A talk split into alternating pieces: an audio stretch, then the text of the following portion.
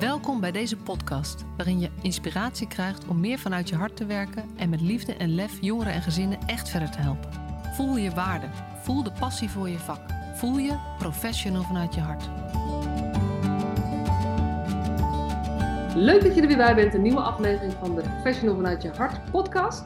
En vandaag ga ik in gesprek met Janneke van Belen. Zij is gezinshuisouder samen met haar man Jaap.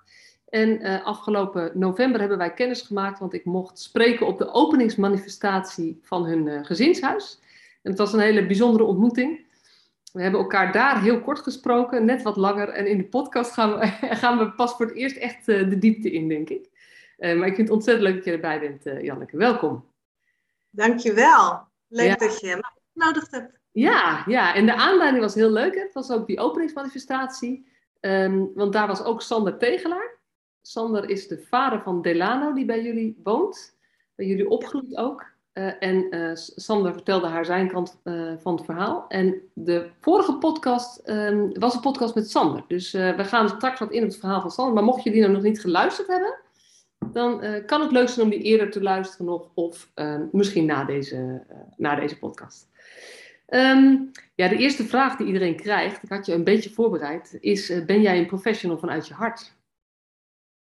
Je hebt me voorbereid, maar ik heb me niet voorbereid. In die zin uh, dat ik niet een kant-en-klaar antwoord uh, op, op dingen heb, uh, heb bedacht. Maar ik um, wil van harte deze vraag met een ja beantwoorden. Ja. ja. En wat betekent dat voor jou? Wat, wat zeg je? Wat betekent dat voor jou? Ik kan niet anders. Mijn hart is mijn basis in, in wat ik doe. En um, um, ja, ik, ik moet er niet aan denken om alleen te zorgen vanuit mijn hoofd. Ja, heel mooi. Het bestaat niet voor mij. Nee. In geen enkel opzicht? Nou, tuurlijk gebruik ik mijn hoofd. En natuurlijk ben ik dankbaar dat ik, dat ik hersens heb en dat die uh, in die zin uh, mijn leven lang zich verder ontwikkelen en dat ik heel veel leer wat ik gebruik. Maar mijn basis is absoluut mijn hart. Ja. Oh, mooi hoor. En, en uh, jullie hebben een uh, gezinshuis? Ja. Zou je eens iets kunnen vertellen van jouw reis, misschien wel vanaf het begin jullie reis, uh, van nou ja, hoe, is het, hoe ben je tot een, tot een gezinshuis gekomen? Ja, nou, dat kan ik zeker. Um, ik heb toevallig op de opening een foto van mijn moeder gekregen. Van, een foto van vroeger, daar was ik denk ik een jaar of twaalf. En daar liep ik met een, zo'n ouderwetse grote kinderwagen vol met uh, vier of vijf kinderen zaten erin. Uh, en er liepen er zes of zeven omheen. En dat is wie ik ben geweest als kind. Ik had altijd kinderen om mij heen. En uh, de, de, de verwachting was dus, Janneke die gaat iets met kinderen doen. En um, in mijn, uh, tijdens mijn studiekeuze heb ik daar wel even aan getwijfeld. Want ik dacht, ik wil later zelf kinderen. En als ik dan ook nog met kinderen werk, misschien word ik ze dan toch nog wel een keer zat. Um, uh, dus ik ben verpleegkundige geworden in het ziekenhuis. Maar goed, al snel bleek dat uh, dat, dat niet mijn plek was. Um, wij hebben zelf, ik ben getrouwd met Jaap, al vrij jong. Omdat we daar zin in hadden. En uh, ik ben moeder geworden twee keer van twee heerlijke kinderen. Maar mijn zwangerschappen waren in groot drama. Ik heb negen maanden spuugend uh, in het ziekenhuis gelegen ongeveer. Dus na de tweede zwangerschap was al duidelijk dat dat niet nog een keer uh, verantwoord was. En zijn we al heel snel met pleegzorg in aanraking gekomen. de eerste plaatsing was een netwerkplaatsing van een kindje via mijn werk. Wat deeltijd bij ons een heel aantal jaren geweest is. En we hebben de pleegzorgcursus destijds bij Horizon gevolgd. En zijn pleeg, uh, pleeggezin geworden, zeg maar. Eerst één jongetje, Delano. En toen nog een jongetje. En uh, um, dat jongetje was zo ontzettend beschadigd dat ik daar 24-7 bij moest zijn. En moest stoppen met mijn werk als, als jeugdverpleegkundige. En met mijn werkervaring, ik heb in het Centrum voor Jeugd en Gezin gewerkt kon ik mijn SKJ-registratie behalen. En uh, dan ben je gezinshuishouder. Als je in die zin uh, natuurlijk het uh, eromheen een beetje regelt. Dus zo zijn wij gezinshuis geworden. En in eerste instantie, onze oudste dochter heeft autisme. Dus in eerste instantie hebben wij echt gezegd van nou, in huis is het vol genoeg. voor de kinderen. Ehm, het liefst zou ik de hele wereld helpen en nog een boerderij met kinderen erbij. Maar dat, dat is gewoon niet, niet verstandig voor deze kinderen met rugzakjes. Dus um, toen borrelde eigenlijk een beetje een, een, oud verlangen in ons op. En dat was om iets met moeders te gaan doen. Ehm, eh, we hebben een keer, toen we net getrouwd waren, een documentaire op televisie gezien van een, vader, of een man en een vrouw. En die vingen moeders op. Die man was in zijn garage met kinderwagens aan het sleutelen. Die was lekker een beetje aan het met die moeders en die baby's. En toen hebben wij gezegd van nou, ooit gaan we dat ook doen. Als de kinderen uit huis zijn, dan, uh, dan komt daar plek voor vrij en dan gaan we dat doen. En ehm, nou, vooral door het verhaal van, van, van, van nou ja, allebei de jongetjes natuurlijk en alle pleegkinderen, maar wat er dan uh, voor trauma's en, en escalaties en, en gedoe nodig is voordat een kind uit de situatie gehaald wordt. En er dus zoveel trauma, zowel bij de ouders als bij de kinderen ontstaan. Uh, daar willen wij heel graag iets in doen. En uh, dus hebben wij uh, op dat moment besloten om, om nou ja, verder te gaan denken en dromen over wat we daarin kunnen doen. Met als doel dus om, om uithuisplaatsingen te voorkomen.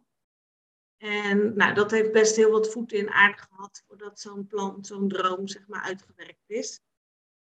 Voor ons was het heel voor de hand liggen, of tenminste onze, wens om in deze regio waar we wonen te blijven wonen.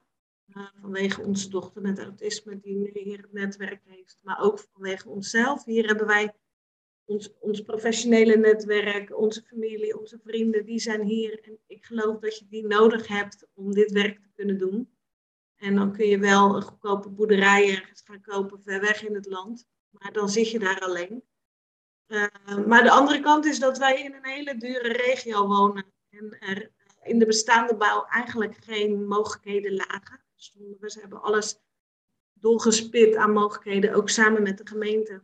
Omdat dat was stap één voor ons. De gemeente. Ik bedoel, ik kan dit leuk bedenken, maar is hier behoefte aan en, en staan zij achter ons? Dat en ik weet wat het geworden is, maar wat waren, waar waren jullie naar op zoek? Wat wilden jullie?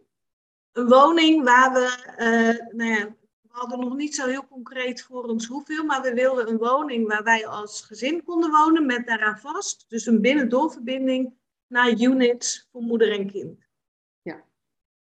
En binnendoor vond ik belangrijk, omdat ik er s'nachts heen wil kunnen als er wat nodig is. Maar ik vond ook belangrijk dat het afgesplitst was. Zodat we in huis de rust voor de kinderen konden bewaren. En wij wel naar de moeders toe kunnen, maar niet zozeer de moeders konden nu bij ons naar binnen lopen, zeg maar, om, om voor die rust. En, en nou ja, bestaande bouw was er niks, dus toen zijn we op nieuwbouw uitgekomen. En dat is wel echt een heel project geworden.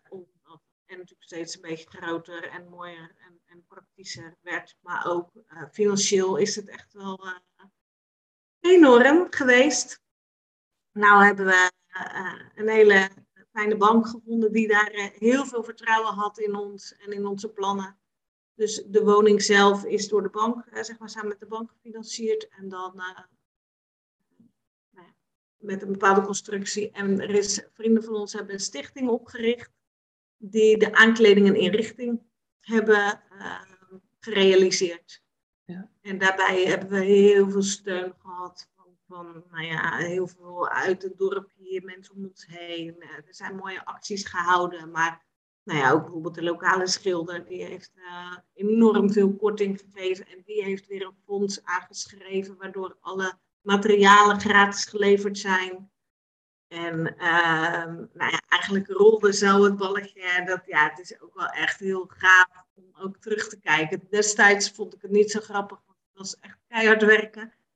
Maar uh, nu we hier zitten, het is en een heerlijk huis en het dient zijn doel. Ja, is dat natuurlijk wel super gaaf om dat echt met elkaar gedaan te hebben. Ja. En nu, uh, nu zijn we sinds oktober wonen we in dit huis.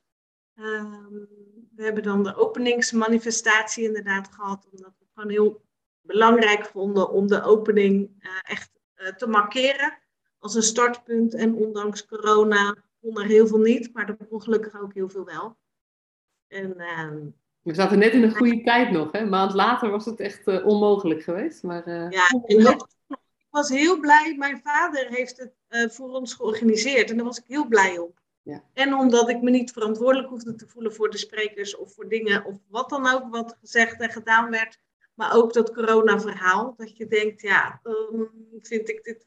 Weet je, toen dacht ik, nou, ik hoef er niet over na te denken. Het mag, het kan. Dus ik wil ook vooral gewoon dankbaar zijn en deze kans pakken om, om ehm, nou ja, ook een stukje echt te delen van wat wij hebben gekregen. En onder andere het verhaal van Sander, uh, waar je net over vertelde, die heb je vorige week uh, gesproken. Um, dat is een verhaal waarvan ik vind dat het verteld moet worden en dat, het, dat anderen daarvan um, iets mee mogen krijgen. Dat, uh, ja. ja. Gaan we, zo, uh, gaan we zo vertellen ook. Want eventjes, ja. Um, want op dit moment is het zo, jullie hebben natuurlijk twee eigen kinderen die al wat ouder zijn en jullie hebben twee jongere kinderen. Of, ik dacht drie. Drie, uh, drie.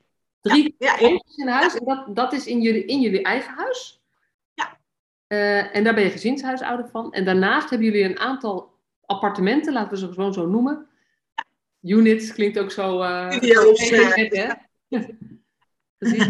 We hebben een aantal appartementen en daar, daar kunnen um, nou, jonge ouders, en dat zullen vrijwel altijd de moeders zijn, maar um, het, het, klinkt altijd leuker met ouders, zeg maar, uh, als dat enigszins kan. Ja, we, we bieden absoluut de mogelijkheid voor vaders en moeders en uh, in het vorige huis, we hebben tijdelijk in het huis naast de nieuwbouw gewoond. Omdat waar we nu wonen was de tuin van het huis waar we daar woonden. Dus dat is wel grappig. Maar uh, in, in, daar hadden we ook al een, een, studio. En daar hebben we drie keer vader en moeder en kind gehad.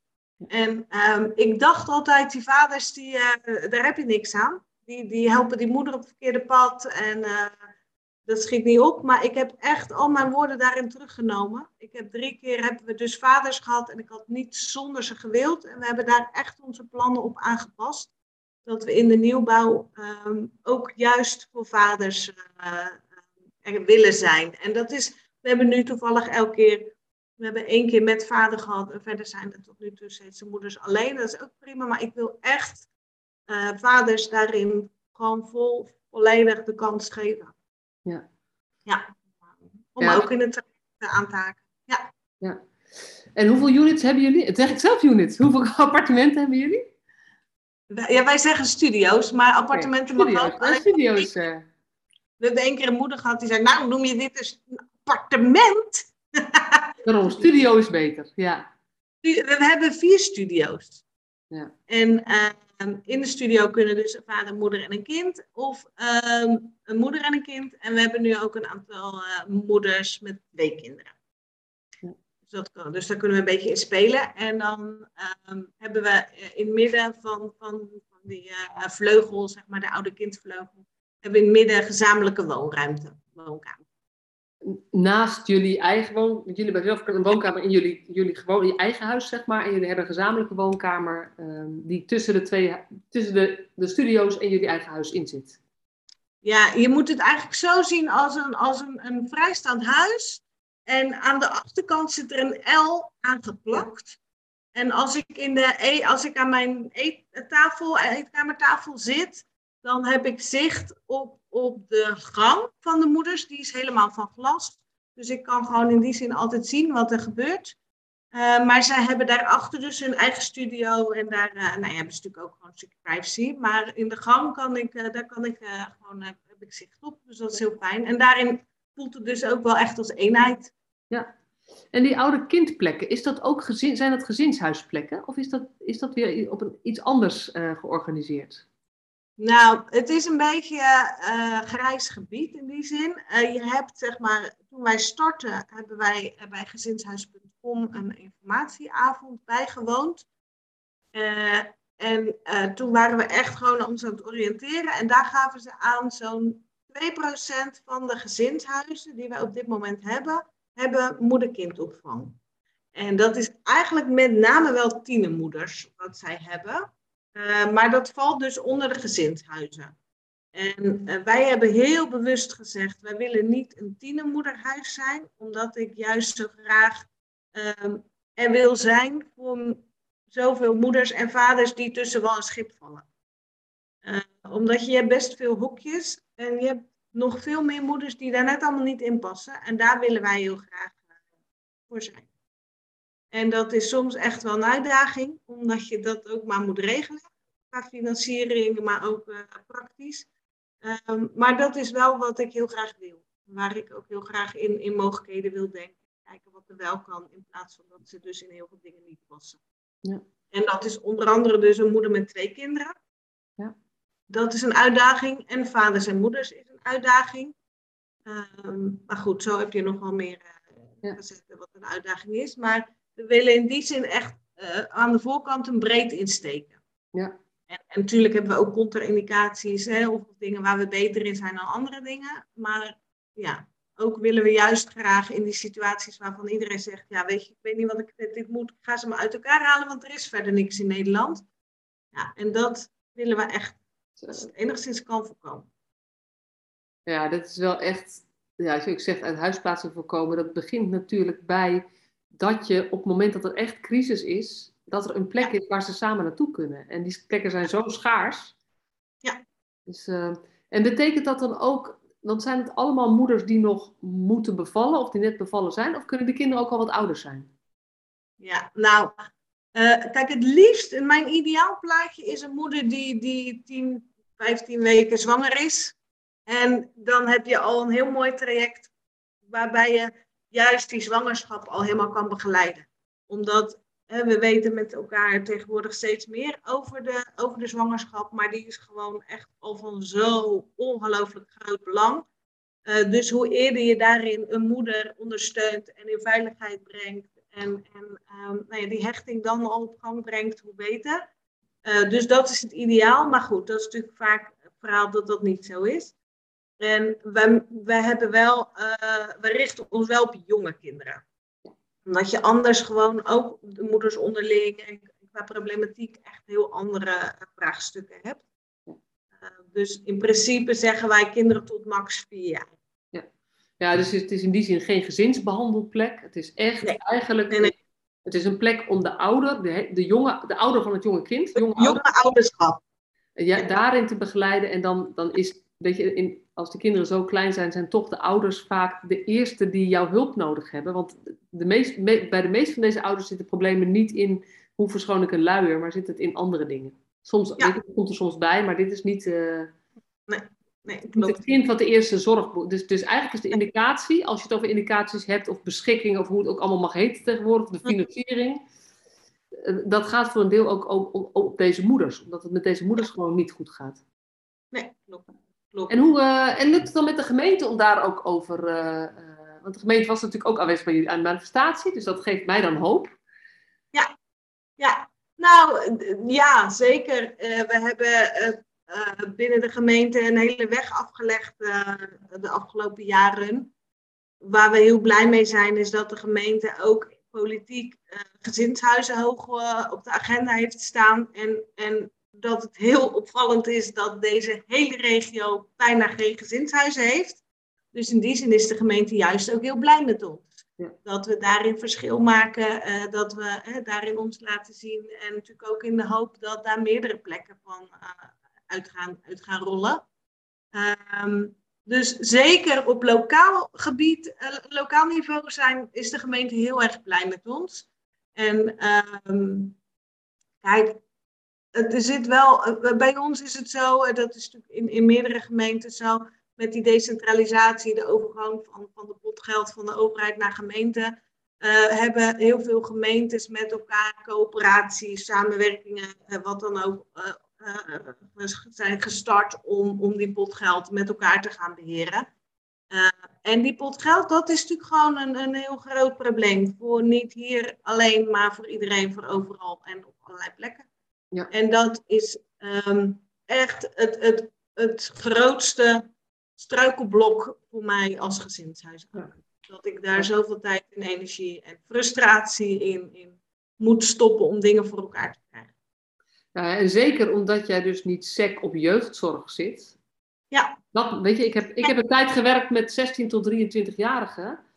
Heb je eigenlijk dezelfde, dezelfde issues, omdat het weet je, het, valt niet allemaal onder jeugdzorg, maar waar valt het dan wel onder? En dan wordt het ingewikkeld. En, en, en of wat het onder jeugdzorg of niet, dan nog blijven ze natuurlijk. Ik heb wel eens gezegd, lijkt wel of ze met één secondenlijm op die pot geld vastgelijmd zitten. En alleen als het echt, echt, echt niet anders kan, dan gaat die een ietsje omhoog en dat is het. En verder is het vooral naar de buren wijzen. Ja. En met, met mijn uh, doelgroep, uh, ik ben van mening dat er uit allebei, dus jeugd en WMO, uit allebei de potjes wat moet komen. Ja. Want ja, het probleem ligt bij de moeder. Maar ja, deze moeder heeft ondersteuning nodig om voor de kinderen te kunnen zorgen. En dus kom je bij beide potjes uit. Ja. En daar, daar zijn we gelukkig wel heel veel stappen in aan het maken. En ook wat ik daarin heel graag deel, wat ik ook hè, probeer te bereiken, is uh, laten we niet elke keer per cliënt, per casus, per persoon dit, deze strijd strijden, maar laten we hier landelijk ook gewoon wat mee doen om te voorkomen dat hier zoveel uren in zitten. Ja. Die we gewoon in de mensen willen steken, in plaats van in dit soort discussies. Ja, precies. Weet je, en ik ben altijd wel aan het. Ik, ik ben altijd benieuwd. Maar ik probeer altijd te voorkomen dat dit het gespreksonderwerp wordt binnen de podcast. Want hier wordt niemand blij van uiteindelijk. Nee. Maar wat ik wel, wat ik wel heel mooi vind, wat, je, wat me raakt en wat jij zegt, is ehm, voor deze specifieke doelgroep, die jonge ouders, zou het het meest passen als we over die harde sectorgrens en financieringsgrens ook heen. We moeten daar overheen, want anders kunnen we niet de zorg leveren die ervoor kan zorgen dat kinderen en ouders bij elkaar kunnen blijven. Ja. En uh, nou ja, dat vraagt ook flexibiliteit binnen de, uh, binnen de gemeente om, daar, om zo te gaan kijken. Ja, en ik weet ook dat dat ingewikkeld is, maar het is wel heel fijn dat je het gesprek kunt hebben. Zeker. En, uh, ja. ja. en de, de, gemeente Teiling is het toch? Jullie wonen in Voorhout? Ja, Voorhout is onderdeel. Teiling heeft drie kernen: Sassheim, Warmond en Voorhout. Ja. Die zijn Mensen die geen idee hebben, dat is de Bollenstreek. Ja, tussen uh, Leid en Noordwijk aan Zee. Ja, precies. Dat is uh, dat, ja. ja. Nee, dat vind ik wel echt heel mooi. En ik vind ook, um, toevallig komt dat de laatste tijd in de podcast een aantal keer langs, maar dan hebben we het meer over gezinsbehandeling. Maar um, dat als we serieus willen dat er minder kinderen uit huis geplaatst worden, zullen we meer moeten doen in het begeleiden van gezinnen op een manier die intensiever is en creatiever dan met één keer in de week ambulante begeleiding. En uh, nou ja, je, je bent gewoon, uh, want je, nou ja, je zei wel leuk, ik kan niet anders dan vanuit mijn hart, maar er zit een hart, maar er zit ook een drive en een passie en een nou ja, vasthoudendheid, zeg maar, die maakt dat je iets hebt neergezet wat vrij uniek is qua concept natuurlijk. Weet je, als, als je zegt, er zijn 2% van zulke soort huizen, in ieder geval via komen, is dat bekend. En die richten zich heel veel tienermoeders, maar wij willen stiekem gezien niet alleen tienermoeders, want tienermoeders is makkelijk, want het valt onder jeugdzorg. Jullie doelgroep is net iets ingewikkelder, want die valt jeugd op WMO. Dus je kiest ook voor uh, de uitdaging.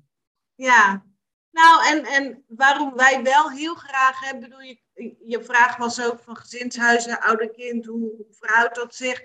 Kijk, het maakt mij niet zo heel veel uit welke naam en welk en hoe. Wat ik, uh, heel, wat ik denk dat werkt, laat ik het zo zeggen, is dat heel veel moeders, ouders, vaders natuurlijk ook, die bij ons wonen, die hebben niet heel veel voorbeeld in hoe ze het wel zouden willen, maar hè, dat, dat strookt vaak niet met wat ze zelf hebben meegekregen. En daarin vind ik het heel mooi om als gezinshuis en gezinshuisouders, om, om als gezin um, zo dichtbij te staan. En ik zeg het honderdduizend keer, ik ben geen haar beter dan welke moeder dan ook. Ik ben absoluut geen perfect voorbeeld. Maar ik ben wel bereid om in een aquarium te leven. En kijk maar met me mee hoe ik het doe. En um, wat ik daarin merk is dat dat en qua vertrouwen, qua band heel snel heel veel goed doet. Omdat deze moeders zien dat ik soms in mijn badjas zeg maar vanuit mijn eigen, ik loop een deur door en ik ben bij hen en ik ben dezelfde. Uh, en en hè, dat, dus ik, ik voel niet een toneelstukje of ik ben niet op mijn werk waar ik me anders gedraag dan. Uh, maar ook de, kind, de moeders zien ook hoe ik met mijn kinderen reageer. Als mijn uh, peuter een, een driftbui heeft, nou ja, kijk maar met me mee. En dan doe ik het ook echt niet altijd perfect of goed. Maar je mag wel meekijken. Ja. En ik denk dat daar wel een stukje meerwaarde zit om het juist ook als gezinshuis uh, op deze manier te doen. Ja, ja. Ja, en oh, ik, ik, dat gaat denk ik de titel van de podcast worden. Ik ben bereid om in een aquarium te leven. Ja. Want dat is wel, daarmee zeg je zoveel, zeg maar. Je, je geeft uh, zoveel van je eigen privé ook op. Om... Ik heb geen privé. Nee. Dat zeggen mensen wel eens, ook met de bouw van het huis. Oh leuk, en waar is dan jouw stukje privé? Ik heb geen privé, want al ben ik in mijn eigen huis, ben ik gezinshuisouder. En dan ben ik ook in die zin aan het werk. Ja, ja. ik heb geen privé, maar ik heb er ook geen behoefte aan. Nee, Ik heb precies. geen- Dus, eh, Ik, heb, ik hoef niet een stukje tuin voor mezelf. nee. nee, precies. Nee, mooi hoor. Nou, en, en dat is het mooie met, dat jullie het hebben laten bouwen, dat het wel volgens je eigen, kan voldoen aan je eigen visie. En dat Ja. scheelt natuurlijk wel heel veel. Als je geen privé hebt en dan op een plek woont die niet helemaal past bij hoe jij het zou willen doen, dan is het nog moeilijker. Dit is helemaal waar jullie voor, want weet je, ik spreek jou, maar ik weet dat Jaap en jij het echt ook samen doen. Dus eh, Ja. ja. Zeker. Kom maar een keertje kijken. Ja, dat, eh, ja, dat zal er vast wel een keer van komen. Ik weet wanneer wat hoe, maar eh, dat gaat er vast wel een keer van komen. Hey, en ehm, Nog één dingetje, dat vind ik wel mooi. Om, om- je zegt, oh, Jaap ook, we hebben in het, ik vertelde net over, wij woonden eerst in het huis hiernaast. En toen was waar ik, ik nu mijn, in, ik zit nu in mijn kantoortje en waar ik nu zit, daar was allemaal gras. En er woonde bij ons een, een, vader en een moeder uit Afghanistan met een kindje. En in Afghanistan ehm, hebben zij een heel ander beeld van vaders. Eh, in ieder geval wat zij hebben meegekregen. En we hadden toen een crisiskindje van een jaar. En mijn man liep heel vaak met haar in de draagzak. En die vader die zei, oh, dat zou ik nou ook willen. Nou, ik had natuurlijk een draagzak liggen. Dus sindsdien heeft hij ongeveer 24-7 met zijn baby in die draagzak gelopen. Eh, en heeft hij ook echt heel bewust uitgesproken, ik wil zo'n vader worden. Dit is wat ik wil. En op deze manier wil ik. eh, en eh, gewoon achter de kinderwagen lopen en niet een meter ervoor of erachter. Maar ik wil dit doen. Ik wil vader zijn in het leven van mijn kind. En dan hè, hoef je dus ook al, hè, ik, ja, ik leef in een aquarium en we doen niks perfect. Maar zulke kleine dingen kunnen dus van zulke grote waarde zijn. Ja, en dan, nou ja, dan weet je dat zij het voor doen. Ja. ja, en dat is ook zo mooi. Hè? Je bent dus geen, natuurlijk geef je ook wel eens advies, maar je bent dus eigenlijk veel meer aan het voorleven dan aan het adviseren. Ja. Voorleven en meeleven. En door dat voorleven en meeleven ehm, eh, ja, ontstaat er iets anders dan wanneer je als hulpverlener langskomt. Ja. Eh, Ja. Ja, en zeker dat, eh, dat natuurlijk ehm, eh, ouders, nou ja, met wie het niet, bij wie het niet zo makkelijk gaat of van wie zorgen zijn, die hebben altijd het gevoel dat mensen ook heel kritisch kijken. Ja. En op het moment dat jij gewoon ook in je badjas zit, dan ga je al meer zien. Het is niet iemand die met een kritische blik streng naar mij kijkt, maar dit is gewoon Janneke of zo, zeg maar. Ja. Dus ik denk dat dat ook Ja. heel veel gemakkelijker maakt. Ja. Ja. ja, dat merk je echt. Dat je gewoon sneller een vertrouwensband op kunt bouwen.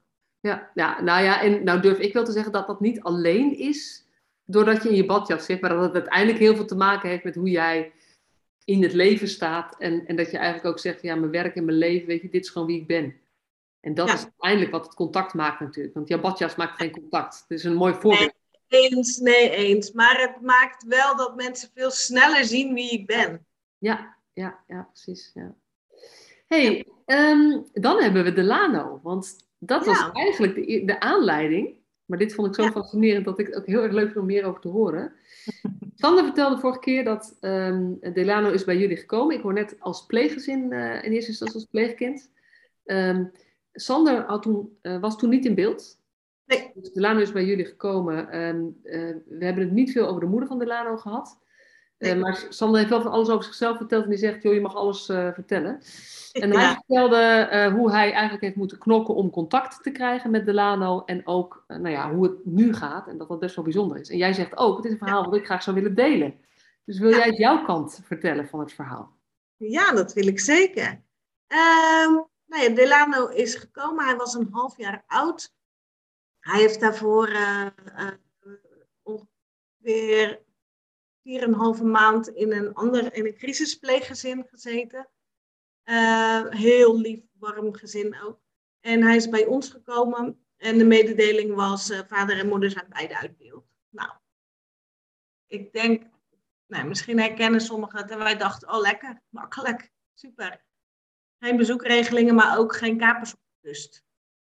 En ehm, eh, hij is gekomen in juli en in, ik, moet heel, ik weet even niet helemaal precies. Ik denk Volgens mij zei hij januari, dat, dat die januari is Sander voor het eerst toen geweest. Maar jij hebt het. Nee, ja. Oktober volgens mij heb ik toen voor het eerst gehoord van hé, hey, er is een vader in beeld. Nou, als pleegouder eh, schrok ik even, want hè, die kaper op de kust, wie dan, wat dan, wat, wat moet die? Weet je zo. En ehm, eigenlijk is dat voor mij, en, en ik kan niet goed de vinger erop leggen, maar is dat heel snel omgeslagen in wat fijn. Wat, wat fijn dat er, dat er biologische familie is die naar hem omkijkt. En laten we gaan kijken hoe of wat. Vanuit um, de jeugdbescherming uh, die betrokken was, uh, zijn ze heel kritisch geweest. We hebben ze diverse gesprekken met hem gevoerd om, om erachter te komen wie hij is, wat zijn bedoelingen waren. Um, even is er twijfel geweest of hij daadwerkelijk de vader was. Maar op het moment dat ik een foto te zien kreeg, heb ik aangegeven dat ik geen uh, behoefte heb aan een DNA-onderzoek. Omdat het echt identiek uh, zijn. Ze lijken zo op elkaar. Um, en uh, toen uiteindelijk is het eerste bezoek gekomen. Delano was een jongetje, is een jongetje wat. Hij was, het is het eerste bezoek. Hij is op 4 januari jarig. En anderhalve week later is dan het eerste bezoek geweest bij jeugdbescherming uh, op kantoor. Zoals dat gebruikelijk was. Ik was toen echt nog een onervaren pleegouder.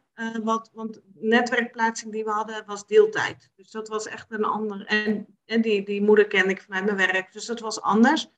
Dus ik was in die zin onervaren. En, uh, maar niet bang of nou hoor, was het gewoon, uh, nou, dit gaan we doen. Ik was heel erg benieuwd hoe Delano zou reageren. En het was heel bijzonder, opvallend hoe hij, hoe Delano echt aanvoelde dat het anders was dan een willekeurig iemand. Uh, maar het was ook heftig voor Sander, omdat hij echt eigenlijk afgewezen werd. Hij, uh, Delano gaf heel duidelijk zijn grenzen aan. Die wilde geen contact, die wilde niet opgetild. En daarin hadden de voogd, of de voogd had wel heel duidelijk al, al en hem voorbereid, maar ook gekaderd van, joh, hij speelt, ga hem volgen in plaats van dat jij daarin uh, dingen van Delano vraagt. Voor Delano ben jij een wildvreemde. Het liefst zou hem oppakken, knuffelen en doen, maar dat kan echt niet bij zo'n klein. Dus um, uh, dat heeft Sander, die vond het heel lastig, dat merkte je wel, maar die heeft dat heel goed gedaan. En eigenlijk zijn we daarna de bezoeken frequent op gaan pakken, waarbij Sander vanaf het allereerste moment um, ja, je zag gewoon een vader die voor zijn kind ging. En die, die wilde en die, die echt zijn best deed om, om te luisteren naar de, uh, de orders, hoe zeg je dat? De, instructies die hij kreeg. En, en um, uh, op een gegeven moment heb ik aangegeven, want hè, die, die, het is natuurlijk fijn om op neutraal terrein uh, dit soort bezoeken te doen. En, en je kunt niet zomaar met elke ouder zeggen, joh, kom bij me thuis. Maar zo'n kantoor van de jeugdbescherming in dit geval, hey, er was wel iets aan speelgoed, maar verder is het echt een, een, een oude kantoor. Uh, heb ik aangegeven, joh, kunnen we de bezoek op een, op een iets prettig, in een iets prettigere omgeving gaan doen. Maar, uh, want Delana was ondertussen anderhalf, hè, die wil gewoon een beetje spelen en een beetje rommelen. Nou, Zo'n binnenspeeltuin, uh, of iets, dat vond ik niet een fijne plek, omdat je daarin verzuipt en, en ook voor het kind zoveel prikkels. Maar iets van spelen leek me wel fijn. En je hebt bij ons een, een, eh, een hotel met zo'n klein speeltuintje erbij. Dus ik heb voorgesteld om daar uh, voortaan heen te gaan. En dat bleek achteraf voor Sander uh, iets heel bijzonders te zijn. Hè? Dat ik daarin en hem natuurlijk vertrouwen, maar ook mogelijkheden gaf. En voor mij is dat nooit iets, iets spannends of iets groots geweest. Ik wilde juist voor Delano het comfortabeler maken. En ook hè, dat, dat, dat Sander daarin wat meer mogelijkheden kreeg. Want nu was Delano zo op zijn hoede en, en bepalend in, in, nou ja, in elke aanraking. En, en was het gewoon wat lastig voor Sander om dichterbij te komen. Toen zijn we naar dat uh, hotel, of restaurant zeg maar, gegaan. En uh, Sander was, was zelf nog, nog vrij jong. Hè? Ik bedoel, hij is zelf enig kind tenminste uh, van zijn beide ouders enig. Hij is opgegroeid als enig kind. En um, je merkt wel dat hij daarin weinig ervaring had met kinderen. Maar goed, ja, dat is ook logisch. En, en ik vond, nou, dan gaan we dat toch leren. Kom, dat ga je doen. En um, dus op een gegeven moment uh, was er een soort glijbaantje. En uh, ja, dat kon ik wel doen. Maar wat hij dat moest doen, want hij was de vader. Zij moesten daarin hè, mochten stappen maken.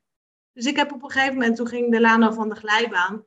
En toen heb ik uh, Delano, hij hielp Delano naar boven en Delano wilde naar beneden en naar mij. En toen zei ik, nou Sander, doe jij het maar, dat kan jij. En ik, ik deed met mijn duim omhoog van, dat kan jij. En nou dat zijn achteraf signalen geweest voor, voor Sander, waarin hij zich enorm uh, voelde en, en gezien voelde. En um, nou ja, een soort, soort um, open deur van mij van hey, kom erbij, je hoort erbij. En uh, ja, dat heeft heel, heel erg doorgewerkt. En, en dan krijg je een beetje zo'n sneeuwbaleffect. Dus, dus hij, hij pakte dingen heel goed op en, en ik gaf hem meer ruimte. En hij was dankbaar voor die ruimte, dus ik gaf hem nog meer ruimte. En zo, zo zijn we eigenlijk gegroeid in het contact. Waarbij voor mij um, echt wel Delano staat voor mij daarin voorop. In wat is goed voor Delano. En als het op deze manier kan, dan is dat het allergrootste cadeau wat je, wat je hem kan geven. En um, ja, dan doe ik dat alleen maar heel graag. En het loopt natuurlijk gewoon, ik bedoel, het is, het is, het is van alles. Hè? Sommigen zeggen, ja, nou, dat komt echt Janneke, daar heb je iets in gedaan. Ja, ik heb voor mijn gevoel nooit iets gedaan. Ik heb, hè, wie ik was, dat was daar. En dat matcht blijkbaar heel lekker met Sander, waardoor Sander eh, helemaal in zijn element is en, en echt op zijn manier vader kan zijn. En ik het uh, daarin, hè, voor de, de ruimte die hij daarin heeft met Delano, laat ik dat vol vertrouwen los. En dan um, is het iets wat heel goed werkt. En um, nee, wat ik zeg, het grootste cadeau voor Delano wat je hem uh, kan geven. Ja, ja en, en weet je, het gaat natuurlijk dat heb ik ook wel gemerkt op die, die uh, dag. Vond ik ook bijzonder om te zien. Het gaat natuurlijk een stapje verder. Want hij is, nou, hij is nog niet kind aan huis, maar hij is wel een soort vader aan huis uh, inmiddels bij jullie. En ook een beetje ja. onderdeel van jullie systeem geworden. Ja, en dat zijn alle ouders.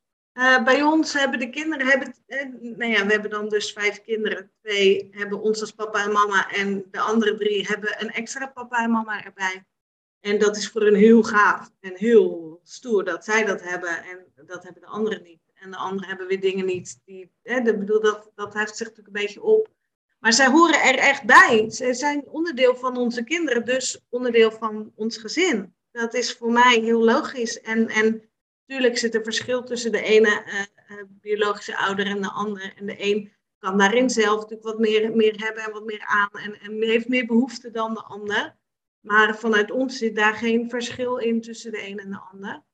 En vinden we het juist gewoon heel belangrijk om alle namen te noemen. En, en ook de opa's en oma's daarin.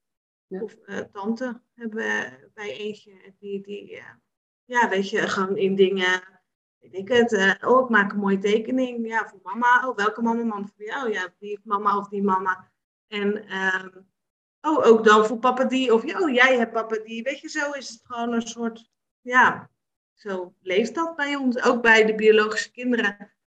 Alle papa's en mama's noemen we in die zin ook allemaal zo. En dat hoort erbij. Ja. Ja.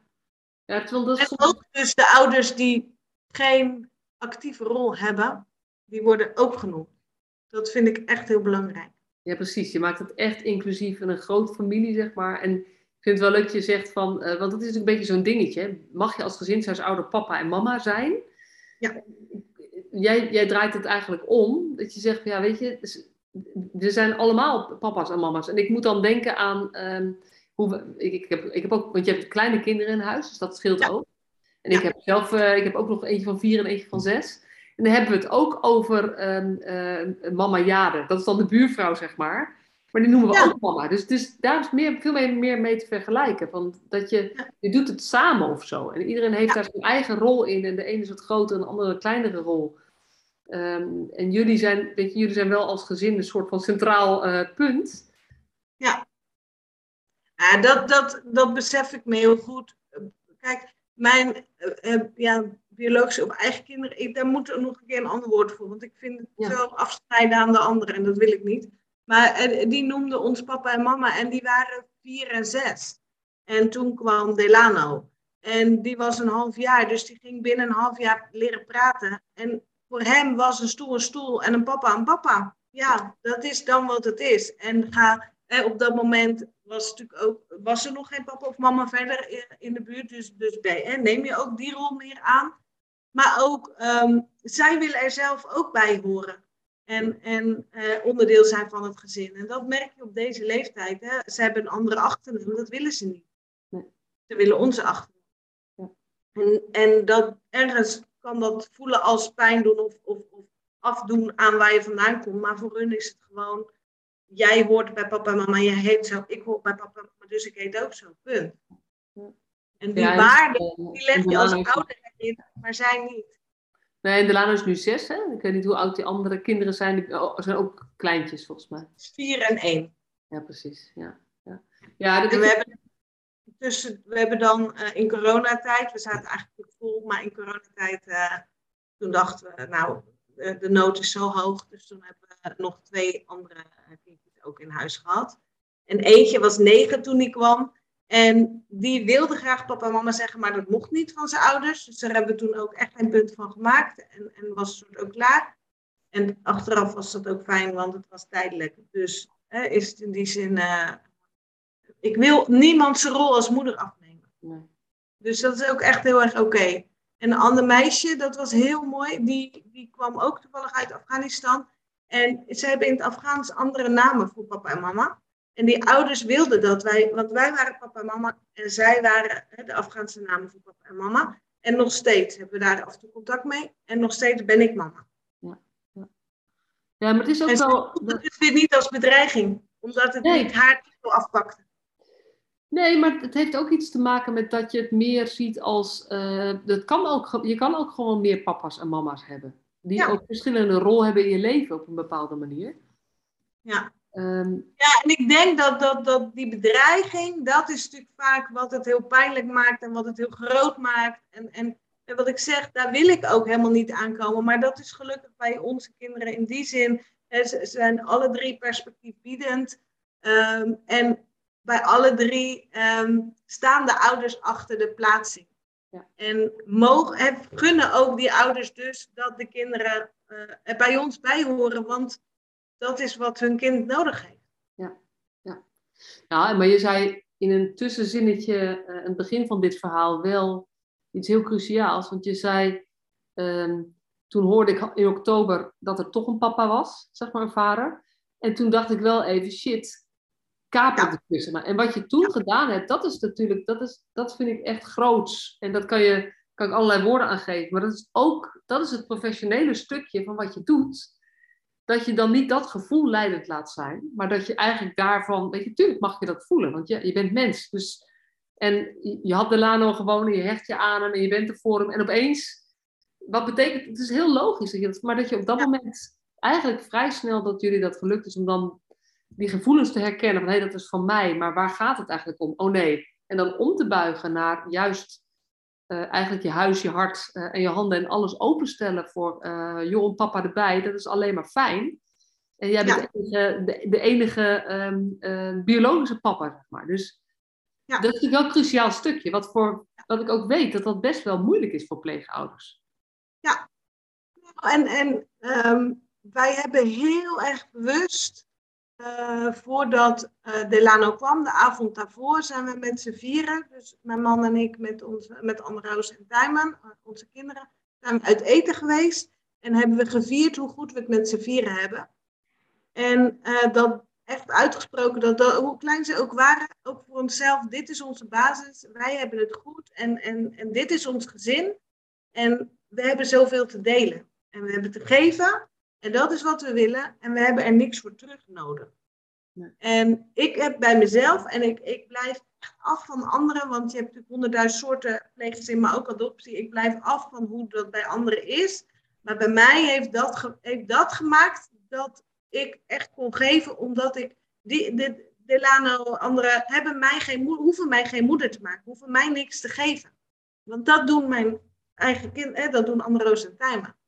En dat maakt ook dat je de verwachtingen heel laag kunt, kunt leggen. Maar eh, als je, eh, ik, de andere twee zijn onze oudste, blijven ook onze oudste, hebben we altijd gezegd. En je merkt bijvoorbeeld in, in advies op school, hè, welk niveau ga je doen. Het raakt jezelf als ouder. En hoe je daar ook mee omgaat, daar heb je natuurlijk een keuze in, maar het raakt je. En, en eh, eh, ik heb een heel groot verschil in, in niveaus. En ergens met een hoog niveau ben natuurlijk ook een stukje trots. Nou, die lijkt op mij, hè, weet je dat gevoel. Eh, en dat heb ik bij de pleegkinderen niet. En, en dus, en niet, ze hoeven mij niks te geven, ze hoeven mij niet te maken. Maar ook ik, dat spiegelstukje, ja, dat is toch heel anders. Ja.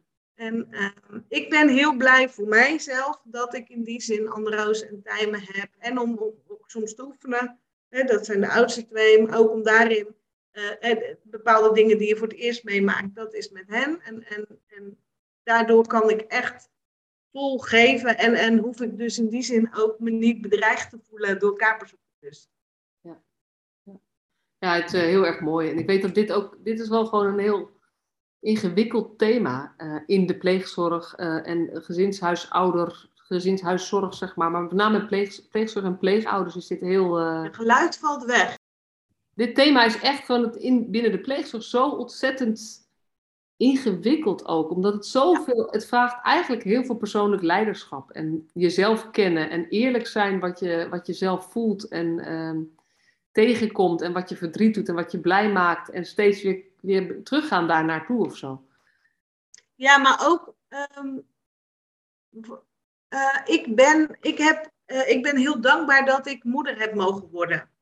Maar als je dat niet gegeven is, dan kun je dat stukje ervaring, dat stukje van jezelf, dat heb je niet.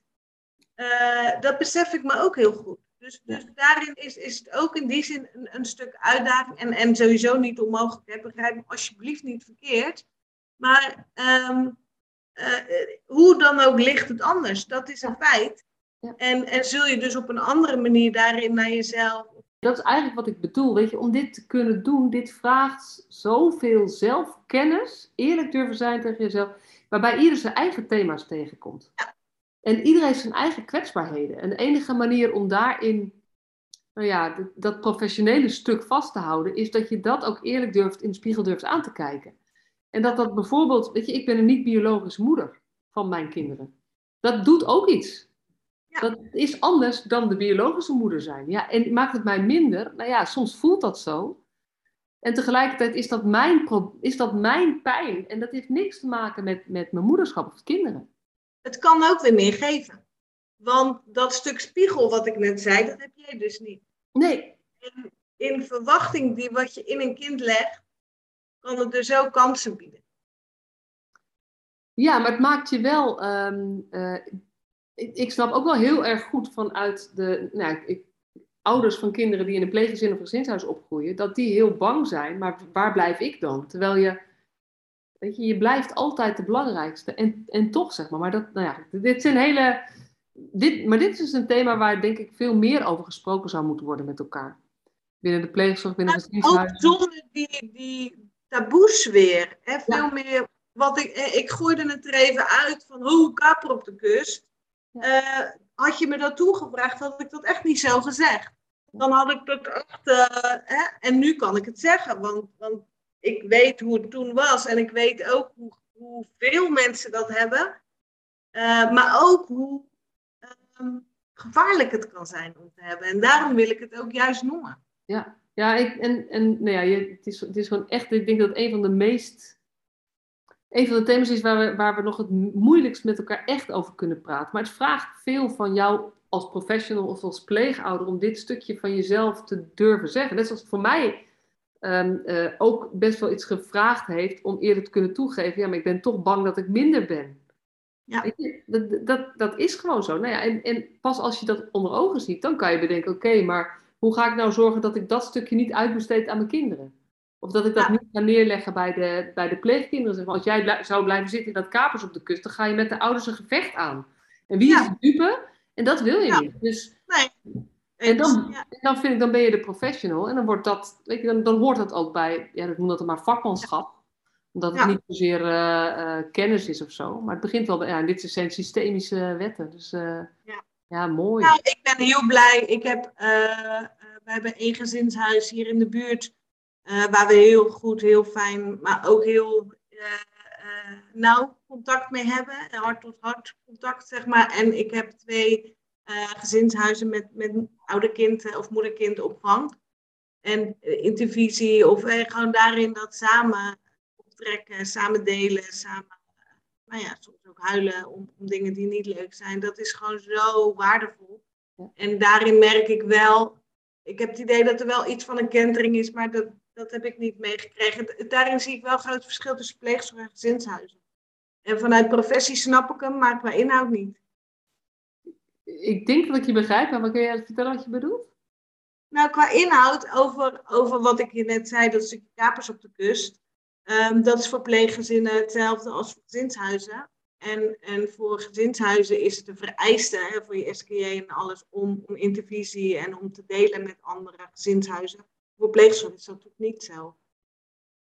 Is geen vereiste nee. om, nee. om, daarin uh, lotgenoten, of bondgenoten, in ieder geval om, om andere, gezin, of andere pleeggezinnen op te zoeken en juist ook op dat niveau. je hebt de pleegzorgcursus, uh, maar daarna heb je natuurlijk wel je pleegzorgwerker één op één. Maar juist dit soort dingen zijn denk ik heel waardevol om ook als pleeggezin. En ik weet dat er wel, wel wat netwerken zijn hoor.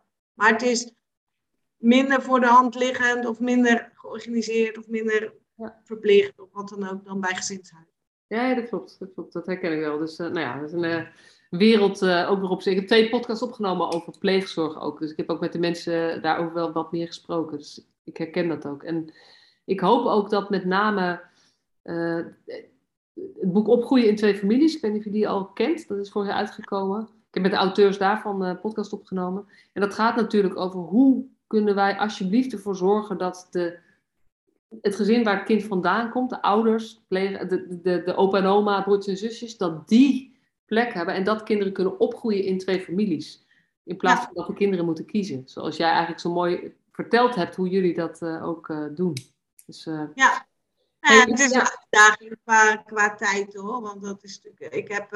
de een heeft wat is het, twee keer per jaar met, de, met overgroot opa en oma en zoveel keer met tante en zoveel keer met die. Maar goed, weet je, dat, dat, dat hoort voor mij bij het kind. Punt. Nou ja, en dan is ook een wezenlijk verschil. Ben je pleegouder? Heb je gekozen voor pleegouderschap of heb je gekozen voor gezinshuisouder? Want dan wordt het je, ook je baan, zeg maar. Dan, dan, wordt het ook, dan kies je ook echt je leven. Jawel, maar het kind kiest er niet voor een pleegkind of gezinshuiskind te zijn. En ik denk dat het essentieel is voor de toekomst van het kind om in die zin zo in verbinding te blijven staan met de biologische familie. Want hoe je het went of keert, dat is je afkomst. Ja. En daar heb je mee te dealen voor de rest van je leven. En als je daar, um, um, als dat onderdeel mag zijn, dan kun je dat verweven in je leven. En daarin heb je natuurlijk hoe dan ook je eigen pad. Uh, maar het is onderdeel van jou. Ja. En, en als dat op zo'n natuurlijke manier meegegeven kan worden, dan denk ik dat dat alleen maar winst is. Ja. Ja, nou, dat, wij zijn het met elkaar eens, maar dat wisten we natuurlijk al. Ik vind het wel heel erg mooi hoe je het ook onder woorden brengt. Sowieso, dank je wel voor alle uh, dingen. We zijn al uh, wel weer door de tijd heen. Oh, sorry. Nee, dus nee, weet je, ik, ik, ik vind het heel mooi dat je wel dat je zo'n inkijk hebt gegeven in, in hoe jullie dat doen, waarom je het doet. En ook um, nou ja, hoe het is om dit te doen, zeg maar. Uh, um, ja. Want dat is, het, is, het verbaast mij altijd, maar ik hoor nog steeds dat gezinshuizen relatief onbekend zijn. Ja. Dus nou ja, dat is als je in het wereldje zit bijna ondenkbaar. Maar dat is toch zo. Dus, dus dank je wel dat jij daar uh, een kijkje achter de schermen hebt uh, willen geven. Ja, nou heel graag gedaan. En, en wat ik denk belangrijk even, maar ook uh, ik vind dat ik dat moet doen. Wij, doen. wij doen dit werk en wij doen dat met hart en ziel en verstand. Uh, maar wij kunnen het niet alleen. En ik ben zo dankbaar met het hele netwerk van professionals, van vrijwilligers, van familie en vrienden die om ons heen staan en die klaarstaan voor ons. Want eh, ik zeg wel eens, eh, ik kom dan uit een christelijke wereld en heb je zendelingen, die pakken hun spullen en die gaan in een ziekenhuis in Afrika werken. en ik voel me soms zendeling in mijn eigen dorp. En, en dan niet zozeer als dat ik hier bijbels aan het uitdelen ben, maar wel dat ik een opdracht heb waar ik mee aan de slag mag. Uh, en dat vraagt heel veel van mij, maar tegelijkertijd is dit wie ik ben en wat ik mag doen. Uh, maar ja, weet je, het is wel soms uh, offers brengen in die zin dat, dat ik soms veel meer tijd in een dag zou willen en veel meer betrokken zou willen zijn bij van alles. Maar ja, dat, dat is gewoon niet. Hè. Dit is nu waar ik prioriteit aan en dat kan gelukkig door, wat ik zeg, door zoveel mensen om ons heen die uh, daarin om ons heen staan. Ja. Samen. En dat gun ik elk gezinshuis, maar sowieso natuurlijk ook elk kind en uh, iedereen. Ja, nou, dank je wel voor uh, deze mooie woorden. Ja. En we gaan elkaar vast weer een keer ontmoeten. Zeker. Graag.